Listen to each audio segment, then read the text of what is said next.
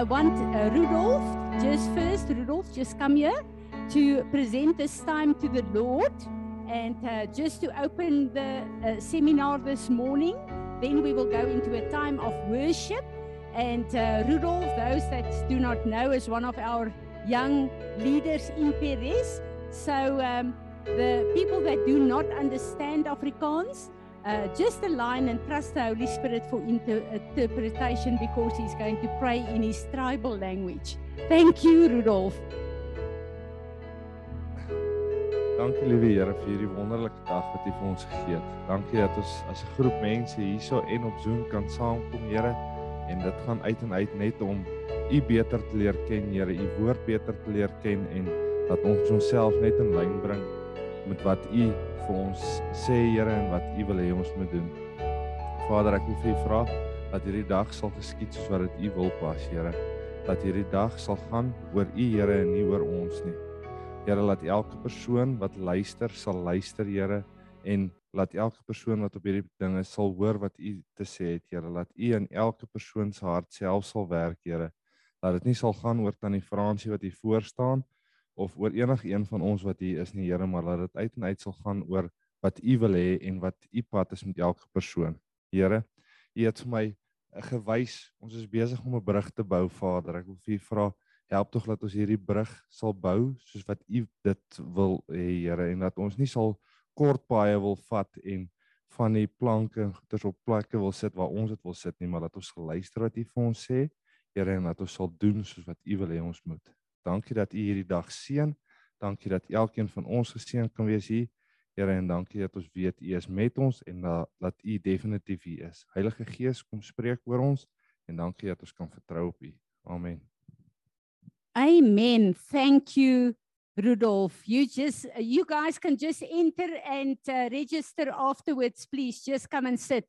Um Rudolph touched a awesome thing here uh, in our ministry, it's very important for us to ask the Lord to show us in the spirit where we align with heaven doing what we do every day, especially in times of ministry. So the seers, also the seers that are connected to us, that's on Zoom, while we are going to go into a time of worship, when the Lord show you anything, uh, let's just administrate the visions that we can really align with heaven.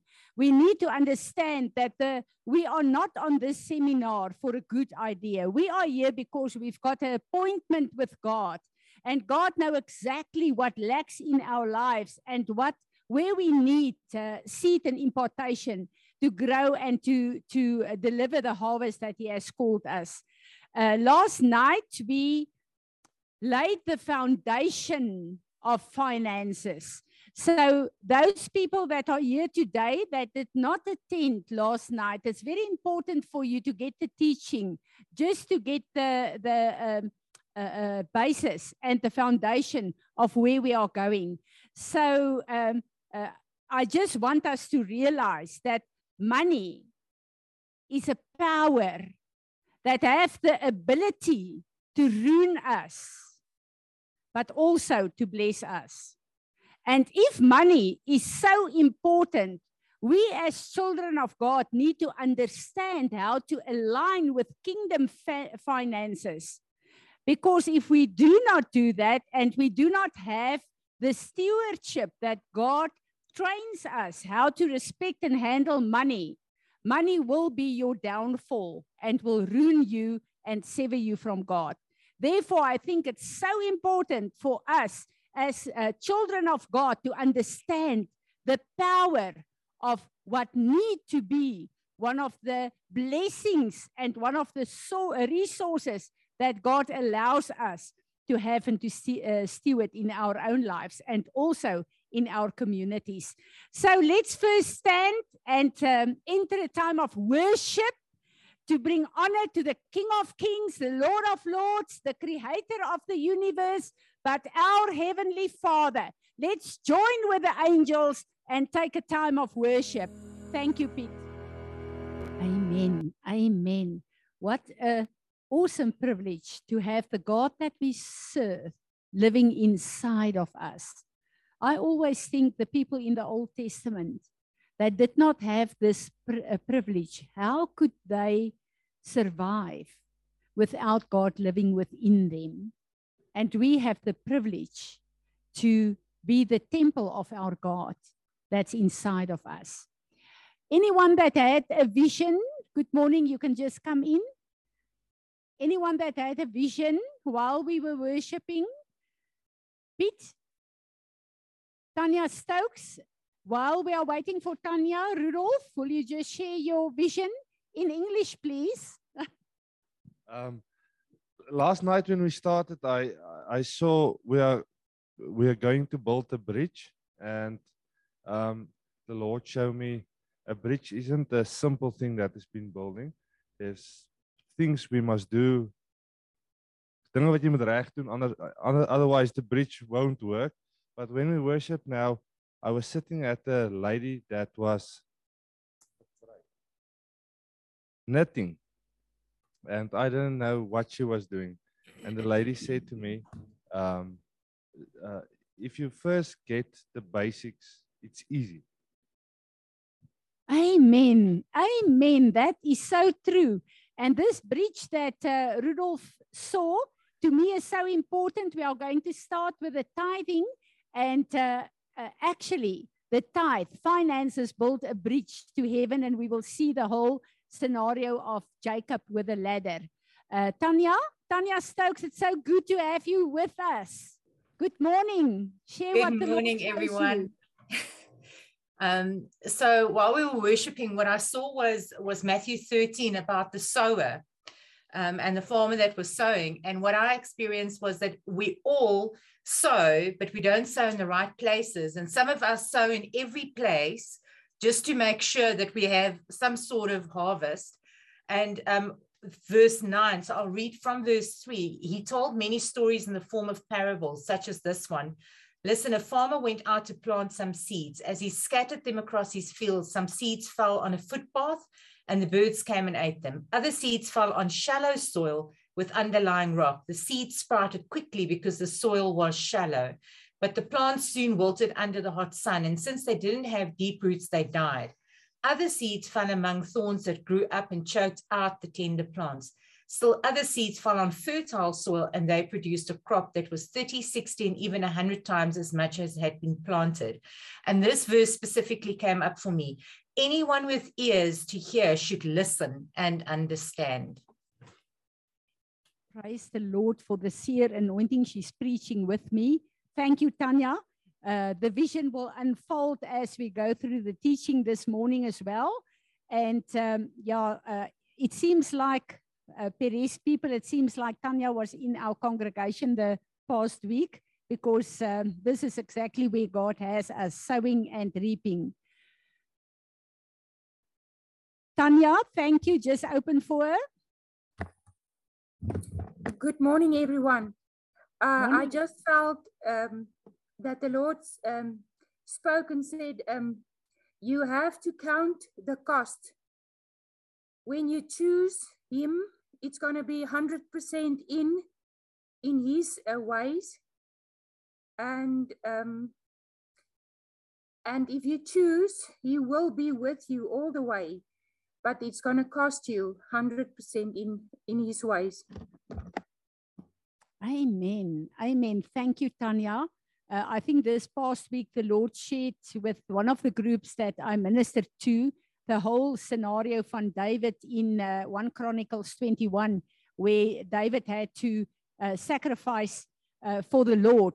And um, the guy said, But you can have the trading, trading floor for free, uh, the threshing floor, and I will give you the oxen and the, the wheat to, to sacrifice. And David said, I will do, I will not sacrifice anything for my God that will not cost me something. So to count the cost is a lot to do with our choices we make in finances as well. Thank you, Pete.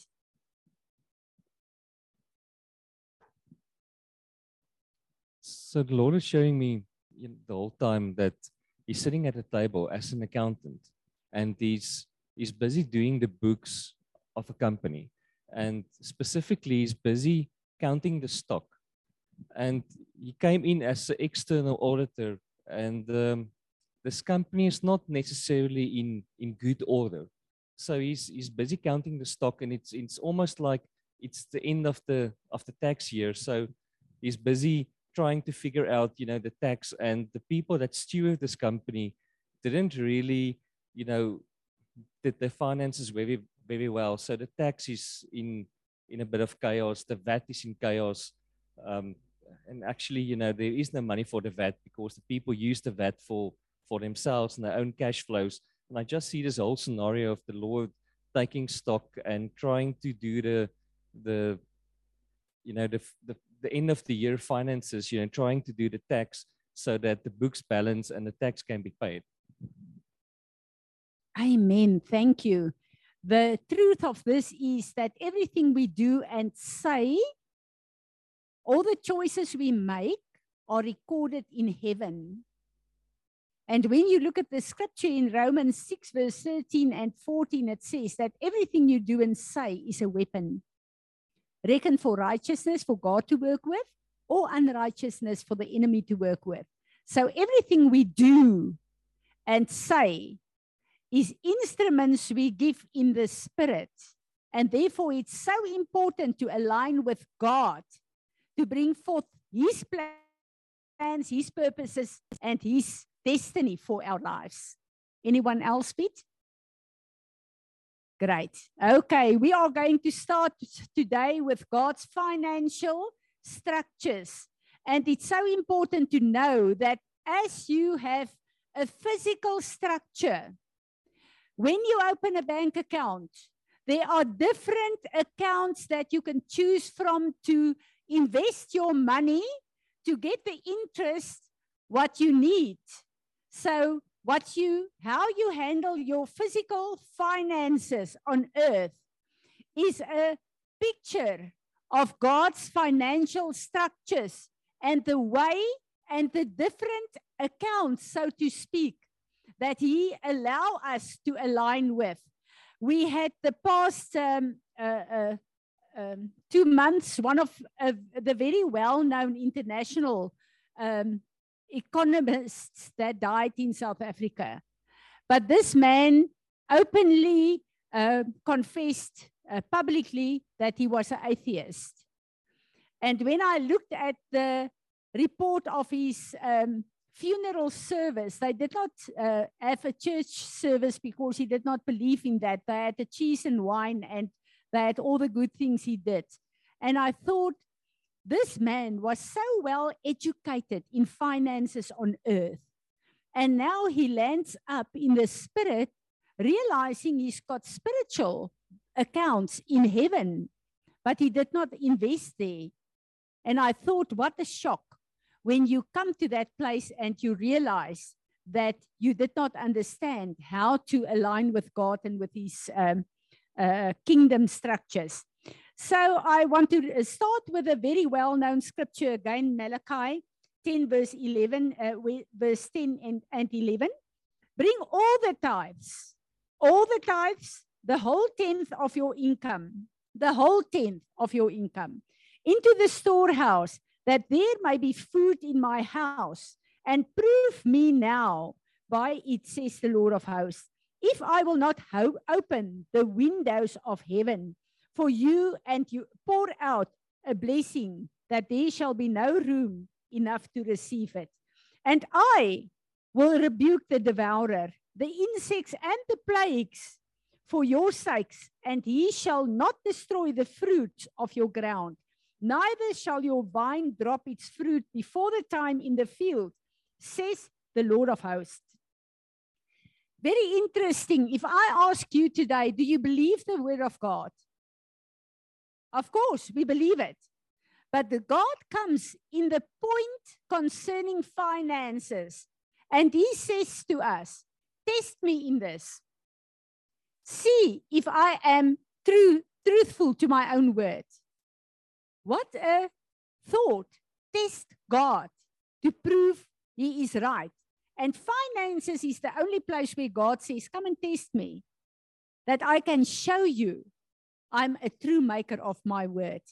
When we look at the word tithe, the English, uh, uh, an old English word meaning one tenth, the, re, uh, the Lord requires us to give him a tenth of our income and promise that he will bless us richly if we do that.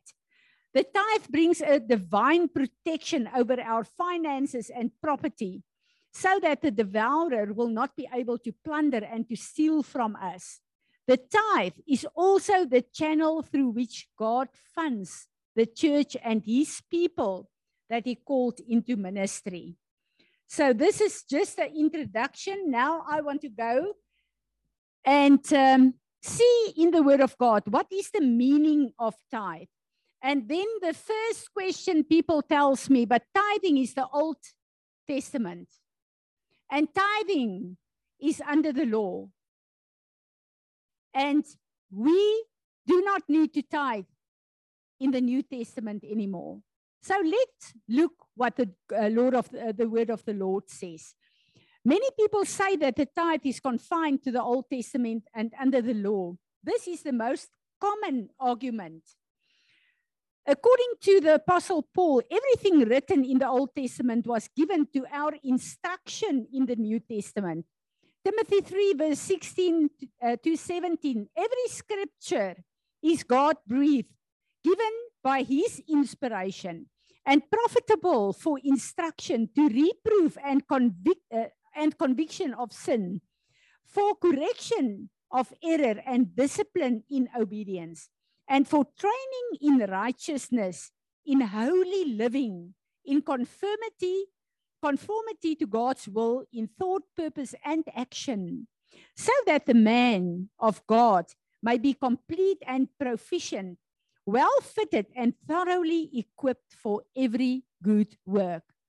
I touched the other scriptures last night. I just want to go to 1 Corinthians as well. Now, these things happened to them, our forefathers, as an example, but they were written down for our instruction on whom the end of ages has come. So when we look at this, we realize that the Old Testament is actually the foundation for us today. And to say that the law fell away is one of the biggest deceptions that uh, uh, the New Testament church can live by. Because God's word will never change, it will never fall away.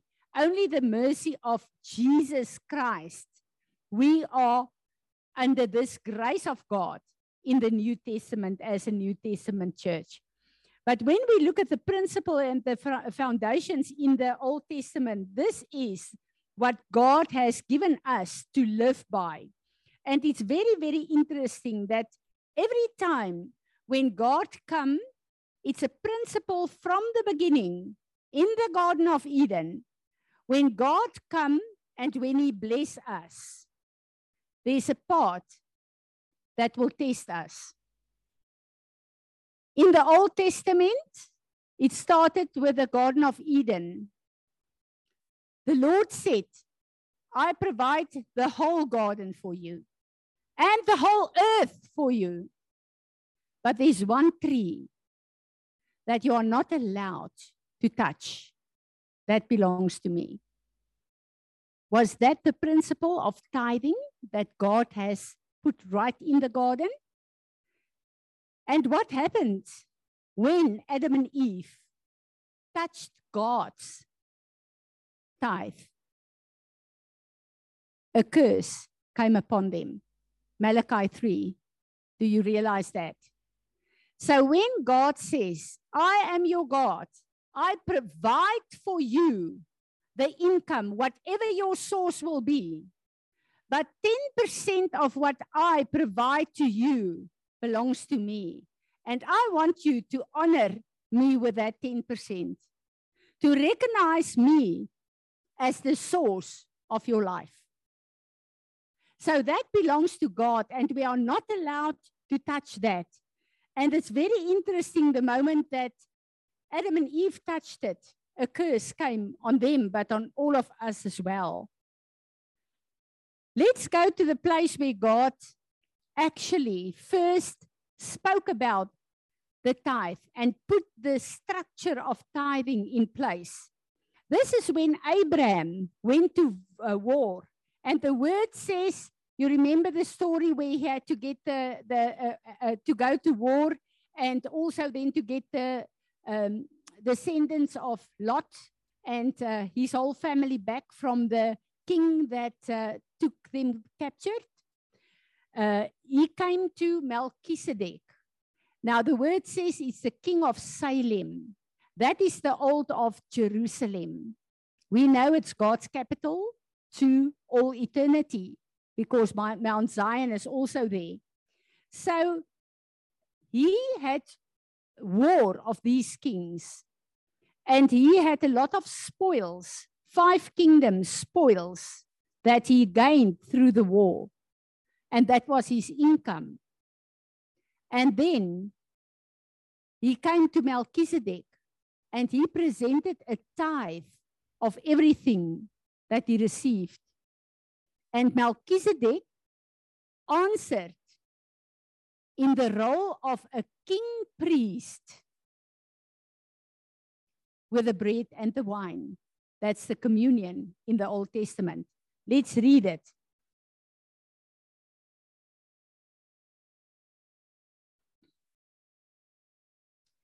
When Abram heard that his kinsman had been taken captive, he led forth his trained men born in his house, 318 of them, and went in pursuit as far as Dan. He divided his forces against them by night. He and his servants and defeated them and pursued them at Hobah, north of Damascus. He brought back all the possessions and also brought back his kinsman Lot with his possessions and the women and the people.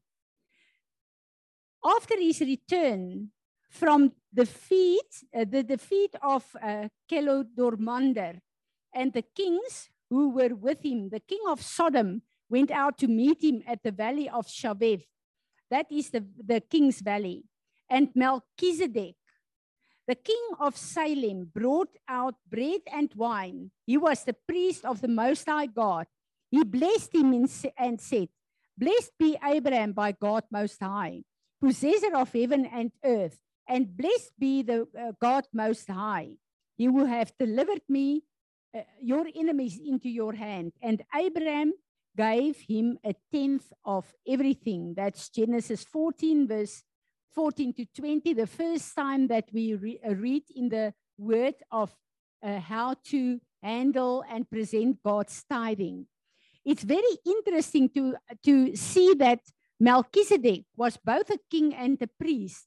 And when we look at um, at uh, the order of Melchizedek in the New Testament, we realize that the order of Melchizedek, set as a king priest, were is for it is evident that our Lord was descended from Judah, and in connection with the tribe Moses, said nothing about priests. This becomes even more evident when other priests arise in the well, I'm back. I realize that the enemy really don't want this word to go out. So, Father God, we just take authority over each and every plan and strategy of the enemy.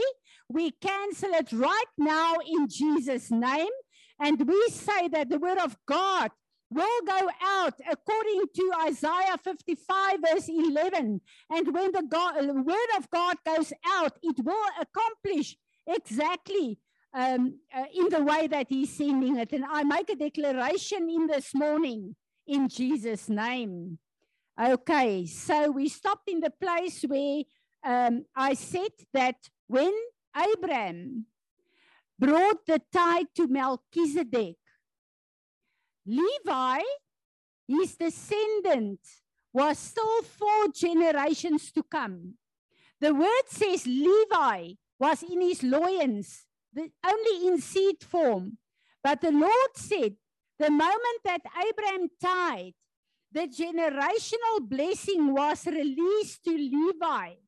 And we know that the Levites were the priesthood of God in the Levitical system.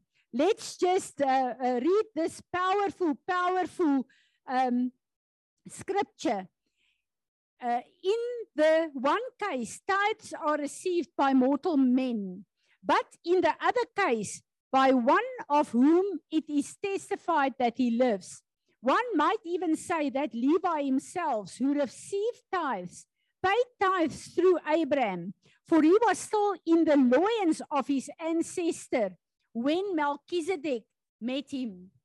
Now, if perfection had been attainable through the Levitical uh, priesthood, for under it the people received the law, what further need would there have been for another priest to arise after the order of Melchizedek, rather than one named after the order of Aaron?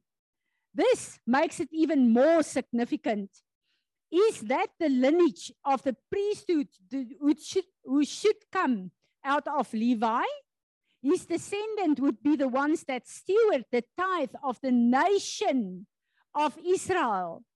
Abraham's tithe allowed Levi, four generations on, to be positioned and to receive his calling and his destiny that God has called him. This is such a powerful place of God's tithe. When we are obedient to God, we do not only open ourselves for God's blessings, but we align our children and our descendants in their destiny that God sent them to earth for. We need to understand that when we trade, we, uh, when we tithe, we trade with heaven and we set our children prophetically in the right order. This is so important for us to understand.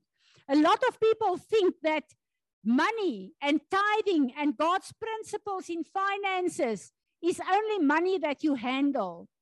This becomes a spiritual commodity and a power who works and speak for us in the spirit. When we look at people saying that um, tithing is all, uh, from the Old Testament, Jesus even taught on tithes when he was on earth. And when we look at that whole scripture where he confronted the Pharisees, he said it was a good thing that they tithe. Jesus didn't say that the New Testament believers exempt from the tithe, but that we shouldn't turn the tithe into an empty religion. And this is what the Pharisees did. In Luke 11, verse 42, but woe to you, Pharisees! You tithe mint and rue and every herb and ne neglect the justice and the love of God. These you ought to have done, but neglecting the uh, without neglecting the others. We need to understand that tithing is a privilege, and tithing is to honor God. But when we do tithing with a wrong attitude, rather leave it because the minute that you tithe to expect blessings from God, you are in a place of manipulation. We do God's tithing and we obey Him because we love and we honor God, not for what we can get out of the transaction. Because the tithe is not our money, it's God's money. We are only stewards of he what he wants us to, to do with tithing. We need to understand that tithing is part of the covenant language that we speak. And we need to understand that Father God, his first action towards us as Gentiles, as New Testament believers, was that he traded, he gave his son, his only son, to us as a trading. And the cross of Calvary is the biggest trading floor to all eternity, where he, we traded our sin. And Jesus released eternal life to us. But he had to pay the price for that. John 3, verse 16, we know it's so, so good. For God so greatly loved and dearly prized the world that he even gave up his only begotten, his unique Son, so that whoever believes in and trusts in and clings to and relies on him shall not perish, come to destruction, be lost, but have eternal, everlasting lasting life. When we come to a place where we feel that we do not have value and we do not understand who we are, just think a bit. What is the value that has been put to your life? We have been bought with a priceless, priceless price the blood of Jesus. And that is the value of you and me. We are so valuable to God. I want to read um, Galatians 3, verse 7 to 9. And as I'm ministering through this book, I just want to ask you please buy this book and go through it. This will be the best impartation and alignment and deliverance and equipment that you will be able to get financially. And all the scriptures and God's word is the foundation of this book. And once we understand money, we will have respect for money and we will be uh, awesome stewards to the kingdom of God. Tithing is God's uh, answer. Uh, a tithe is an answer to God's uh, covenant. Galatians 3, verse 7 to 9. Know then that it is those of faith who are sons of Abraham. And the scripture, foreseen that God would justify the Gentiles by faith, preached the gospel beforehand to Abraham, say, It shall be, uh, in you shall be the nations blessed. So then, those who are of faith are blessed along with Abraham, the man of faith. We are the lineage of Abraham. We are his spiritual DNA. And what God allowed Abraham to walk in, what he released to Abraham is our inheritance through the DNA that we gained through the blood of Jesus Christ, our Lord and our Savior. Very interesting.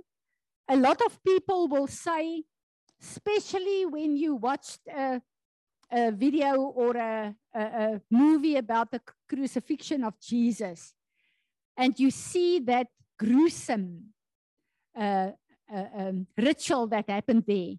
We, as children of God, God, get this thing oh, I want to do everything for my God. What can I do for him? What can, um, I will die for him. But he said, no, I've died already. I want you to live for me. It's very, very easy to die for God. But is it easy to live for him? That's not that easy for me. And that is what he gained on the cross. He died for me and you to live for him, to have lives that will be a testimony of his goodness and the power of the God that we serve. So when Jacob fled from his father's house after cheating Esau, that to me is such a story. I would love one day to sit with the two brothers in eternity to discuss that story. But when I look at that story and I look at the betrayal of Jacob, I thought, well, if I was Esau, I would also want to kill this brother of mine. So um, this was such a story, but we know that Jacob fled. And on his way to his uncle Laban, on his way, he had an encounter with a living God. Let's read it. Genesis 28, verse 12 to 13. He had a dream in which he saw a stairway set up on the earth with its top reaching to heaven. Now remember the bridge that Rudolph saw. He saw the angels of God going up and coming down on it. The Lord was standing above it, saying, I am the Lord, the God of your grandfather Abraham and the God of Isaac. I will give you the land on which you are laying to you and your descendants. Then Jacob made a vow. If God will be with me and will watch over me on my trip and give me food to eat and clothes to wear, and if I return safely to my father's home, then the Lord will be my God. This stone that I have set up as a marker will be the house of God. I will surely give you a tenth of everything that you give me. In this whole passage, God came and he gave the same covenant to Jacob to say, although you were um, birthed in the house of your father, you grew up with your grandfather and your father, you know how they they uh, uh, serve me, you know that they uh, pay me their tithes, you know all the instructions how they uh, uh, offer to me. But you have left your father's house, so you are not part of that covenant anymore. Now you will form your own house. So we are not Christians because our parents are Christians. There's a place where we need to enter in a covenant with God in ourselves.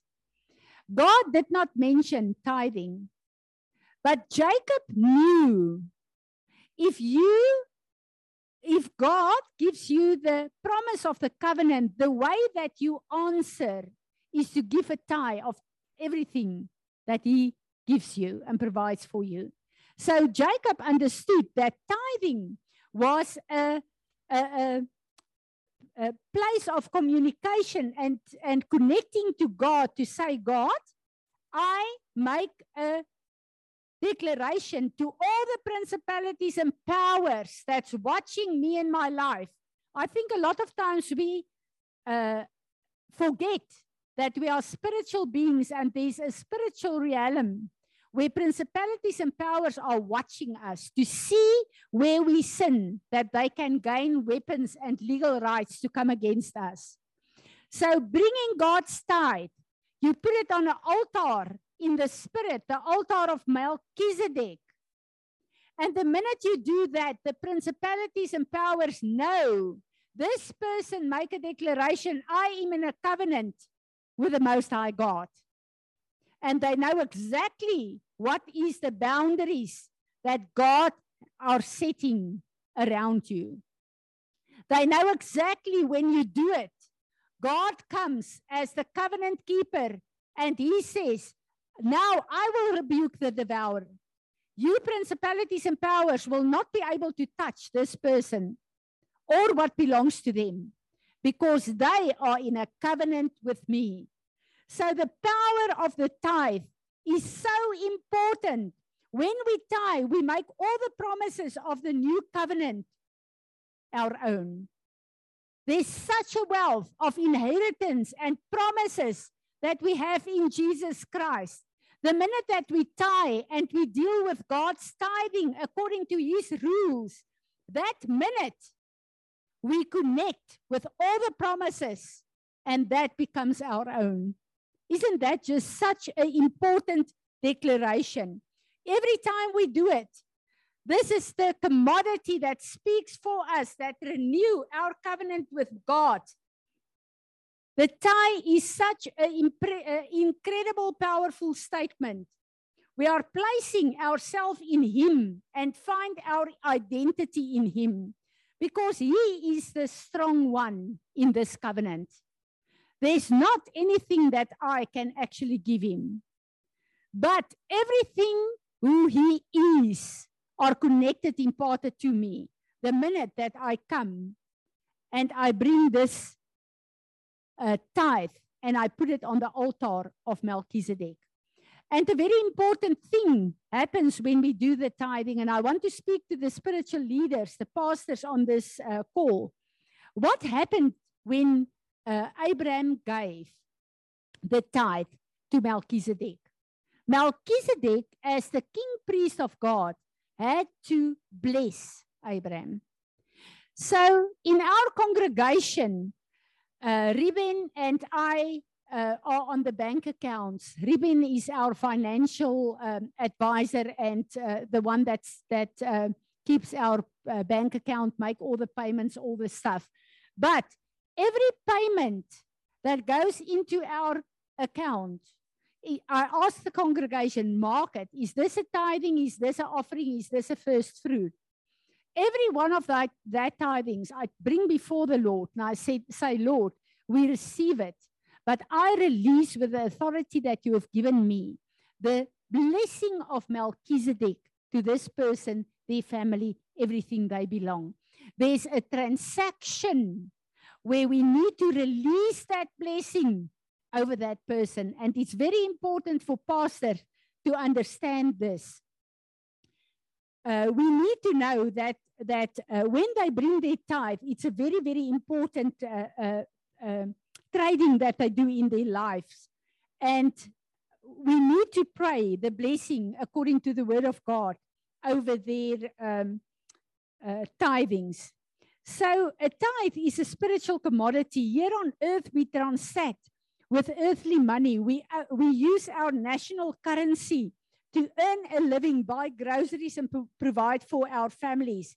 We exchange money for goods and for service.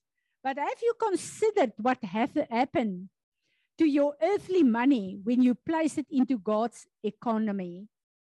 Jesus said, we shouldn't lay up, up treasures on earth because it will decrease in value. The whole scripture in Matthew 19, verse 21. I want to uh, move on a bit because we will have load shedding um, uh, yeah, in a while. And I want to bring, uh, so I really want to ask you, go through all the scriptures in the book. Uh, when we use another country or apply for a visa, the first thing they want to know is how much money are you bringing into their country. They are more willing to, to give you access to their territory if they know you have money to spend. Your money makes you valuable to them. Besides that, taking money over a national border is a big deal. Any cash you take with you will have to be converted into lo the local currency if you want to spend it. The same way, if we cross the boundary from the natural into the spiritual realm, our tithes and offering, they give us value in the spirit. We need to understand we've got a bank account in heaven. This is the scripture in Matthew that uh, in and in Luke where Jesus said, there's a bank account in heaven.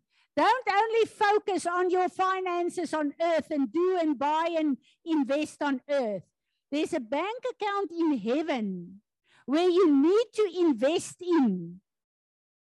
And this is a place where uh, earthly um, destruction cannot devalue your wealth. There's a bank account that you and I need to administrate from what we do with the financial structures God has opened for us on earth. When you put money into an offering basket, that money is translated into heaven. It becomes a bridge. Listen what uh, uh Rudolph saw it becomes a bridge between heaven and earth. It plugs you into the raw resources of heaven so that God can pour out such rich blessing over your life that you won't have room even to contain it. Your tithing, your finances is a bridge that you build between heaven and earth. Look at the principle of the Old Testament. What did the people do to connect to God? They took some of their wealth that pre presented their time. They had herds of cattle, sheep, flocks of sheep, goats, and that was the, their uh, livelihood in the Old Testament. So, what they did is they took their wealth and they went to the altar to sacrifice this wealth, this animal to God, to open up a gateway to heaven for them. This is exactly what we are doing with our tithes. Because our tithes now most of all, uh, a lot of us are not uh, is not farmers, so we do not have goats and cows and things like that. We need to bring money, and we always, with all the financial structures, are dealing with the altar, and that's the altar of Melchizedek. I'm actually so blessed to know that we are living in the New Testament. I would hate all the sacrifices. And I think I would be in that uh, place the most worst priest that God will ever uh, try to, to um, uh, put in ministry. So I'm so grateful that we do not handle with our sacrifices in that manner anymore. When we when the people in the Old Testament sacrificed, they testified of their faith in God. So when we handle our tithes and God's financial stru uh, structures, we are actually making a declaration that I believe God, I believe His words, and I want to be in connection and covenant with Him. A very interesting place in the Word of God of one of the sacrifices is in Judges, where the angel uh, of the Lord came to Samson's parents and gave the whole prophecy of Samson. Let's read it. And Manoah said to the angel of the Lord, What is your name, so that when your words come true, you, we may do you honor? And the angel of the Lord said to him, Why do you ask my name, seeing it is wonderful? So Manoah took the kit with the cereal offering and offered it upon a rock to the Lord. The angel working wonders while Manoah and his wife looked on. For when the flame went up towards heaven from the altar, the angel of the Lord ascended in the altar flame. And Manoah and his wife looked on, and they fell to their faces on the ground. God's tithings and our different places of uh, finances in the kingdom of God opens a gateway to heaven. And this is so important. Um, I want you to notice that the angel went back to heaven in the flame and the smoke of their sacrifice. The sacrifice made a breach between the seen physical realm and the unseen spiritual realm. When the sacrifice started to burn, it opened a passage for the angel to go into heaven and for the blessing of God to be released over uh, Samson's family. Our tithes and offerings create a gateway to bring heaven to earth, which empowers us to fulfill our destiny. Both the earthly and the heavenly dimensions testify that we stand in a covenant with God. There is a simultaneous testimony from heaven and earth that we are blessed. 2 Corinthians 13, verse 1, verse, verse 1. This is the third time that I'm coming to visit you. Every matter is settled on the evidence of two or three witnesses. So every time when God spoke through angels and visited us, um, today through the Holy Spirit, when God gives us a word, the word says that in the witness, uh, uh, in the testimony of three witnesses, things will be established. This is why it's so important to know that the word says that heaven and earth will declare the glory of God. So we need to align with heaven for the glory of Jesus to be revealed to mankind. Um, to go to a short uh, teaching on how do we tie. There's a lot of people that say now the practical way how to tie. How does this work? Uh, I want to give a testimony uh, in this place. Uh, one of our children, our eldest son, he uh, came to the Lord and was baptized uh, after a time that he was really uh, quite in the world. And um, it was wonderful to see how this uh, young man started to serve God. And then um, they moved to uh, Mossel Bay. And um, he had quite a lot of debt. And he came to Johan and myself and he asked us, uh, will we please uh, lend them the money to pay their debts because they are starting a new life and a new. And we said, son, sit down. And we said, no, we are not paying your debts. So we are going to pray for you. But now I want you to understand we want to align you with God's finances. And you are in this financial mess because you do not understand and serve God financially the way that God has called you. And we did that. So he started in that place where he thought he could not afford to pay God's tithe. He started to tie to God. And as as parents, helped in a way that we could help them to grow through this. But we knew that God is busy to train them and teach them financial stewardship. Because when you are in a lot of debt, it's because of your uh, because of you lack you lack of stewardship. And that's the basic of that. So what happened is I think it was about uh, money you must help me 18 months, 2 years. What happened is he was working for um, Old Mutual and uh, uh, God really started, when he aligned with God, God started to anoint him in business. And suddenly, the uh, um, uh, um, leadership of Sanlam, one of the other big uh, insurance companies, saw that this young man is uh, starting to, to become an outstanding financial advisor. You know what happened? Sanlam came to Hannes and said to him, We want to buy you out from Old Mutual. And can you believe what's the amount that they gave him? 315 rand. The amount, the thousand rand, 350,000 rand. the amount, thank you, money. the amount of their debt wasn't that just amazing? And his testimony up to now, and uh, I say this not to brag as a mother, and I do, but to, to show the goodness of God.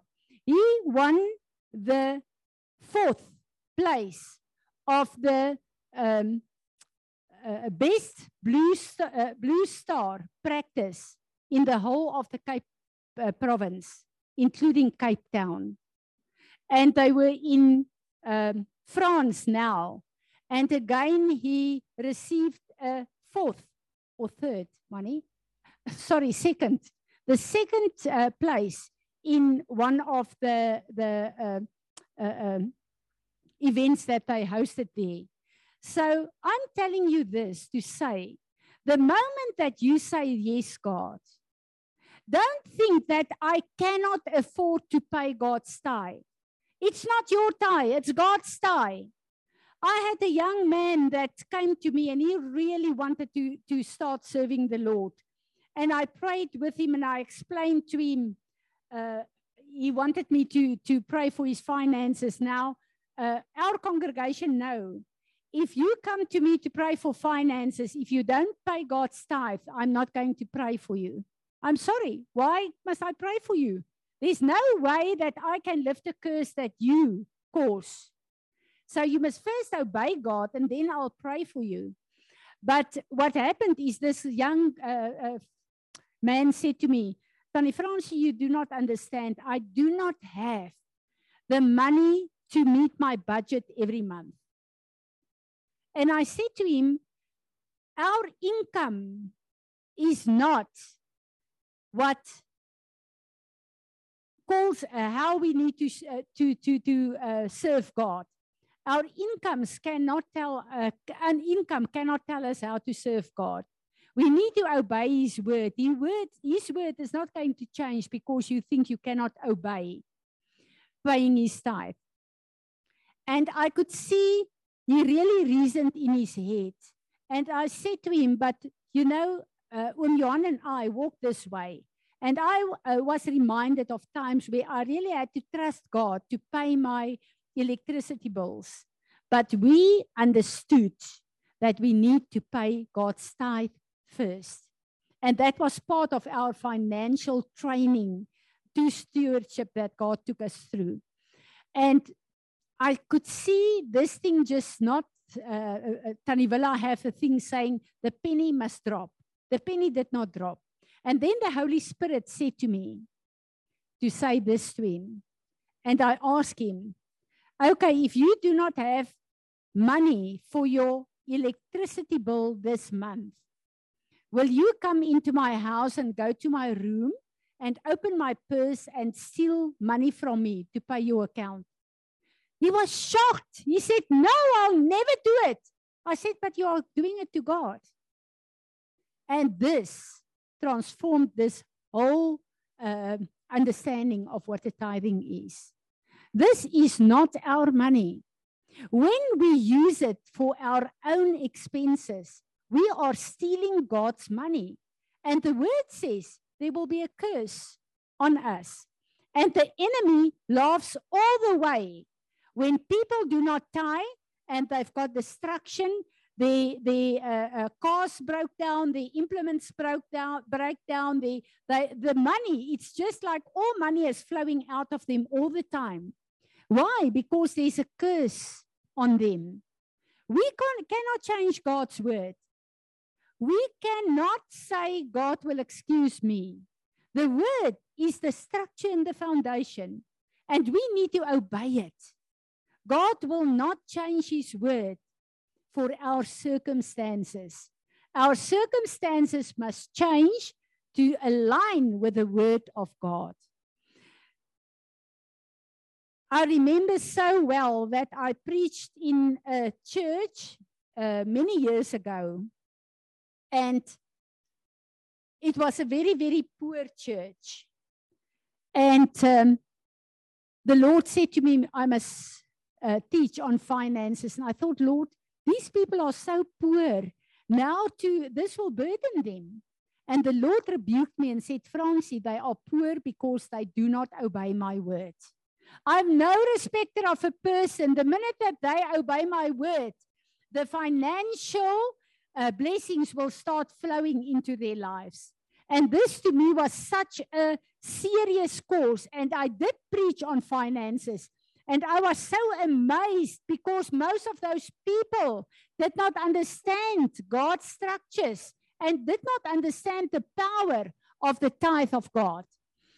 And um, I looked at statistics again uh, of a survey of tithers in America. I always feel that America is a very good picture for for us in the other countries. And it's also wonderful to do that because they've got uh, a lot of correct surveys that they do. Now, just listen to this 80% of those who tithe have no unpaid credit card bills. This is in America. 74% of the tithers have no uh, car payments. 48% of the tithers own their own homes, and 28% of the tithers are completely debt free. Isn't this amazing? This is why God wants to call us and teach us and train us to align with our finances with Him. We need to understand that in time finances will be one of the biggest tests of the children of God just realize that if we are in debt and there's a financial crisis, what happens? You can all see what's happening globally now. The interest rates are rising to a level where people say we cannot afford our houses anymore. We had a young man, a man uh, two weeks ago that said they bought a house and now the interest rate increased and they cannot afford it anymore. What do you think as things and disasters in, increase on earth? We need to come to a place where we will be debt free so that God can really uh, use us to be stewards of in time finances. I um, touched last night on the whole uh, scenario of um, what will happen if the uh, countries go bankrupt. The church should be the answer to that. We are not even in the place of most of our own lives to answer financial crisis.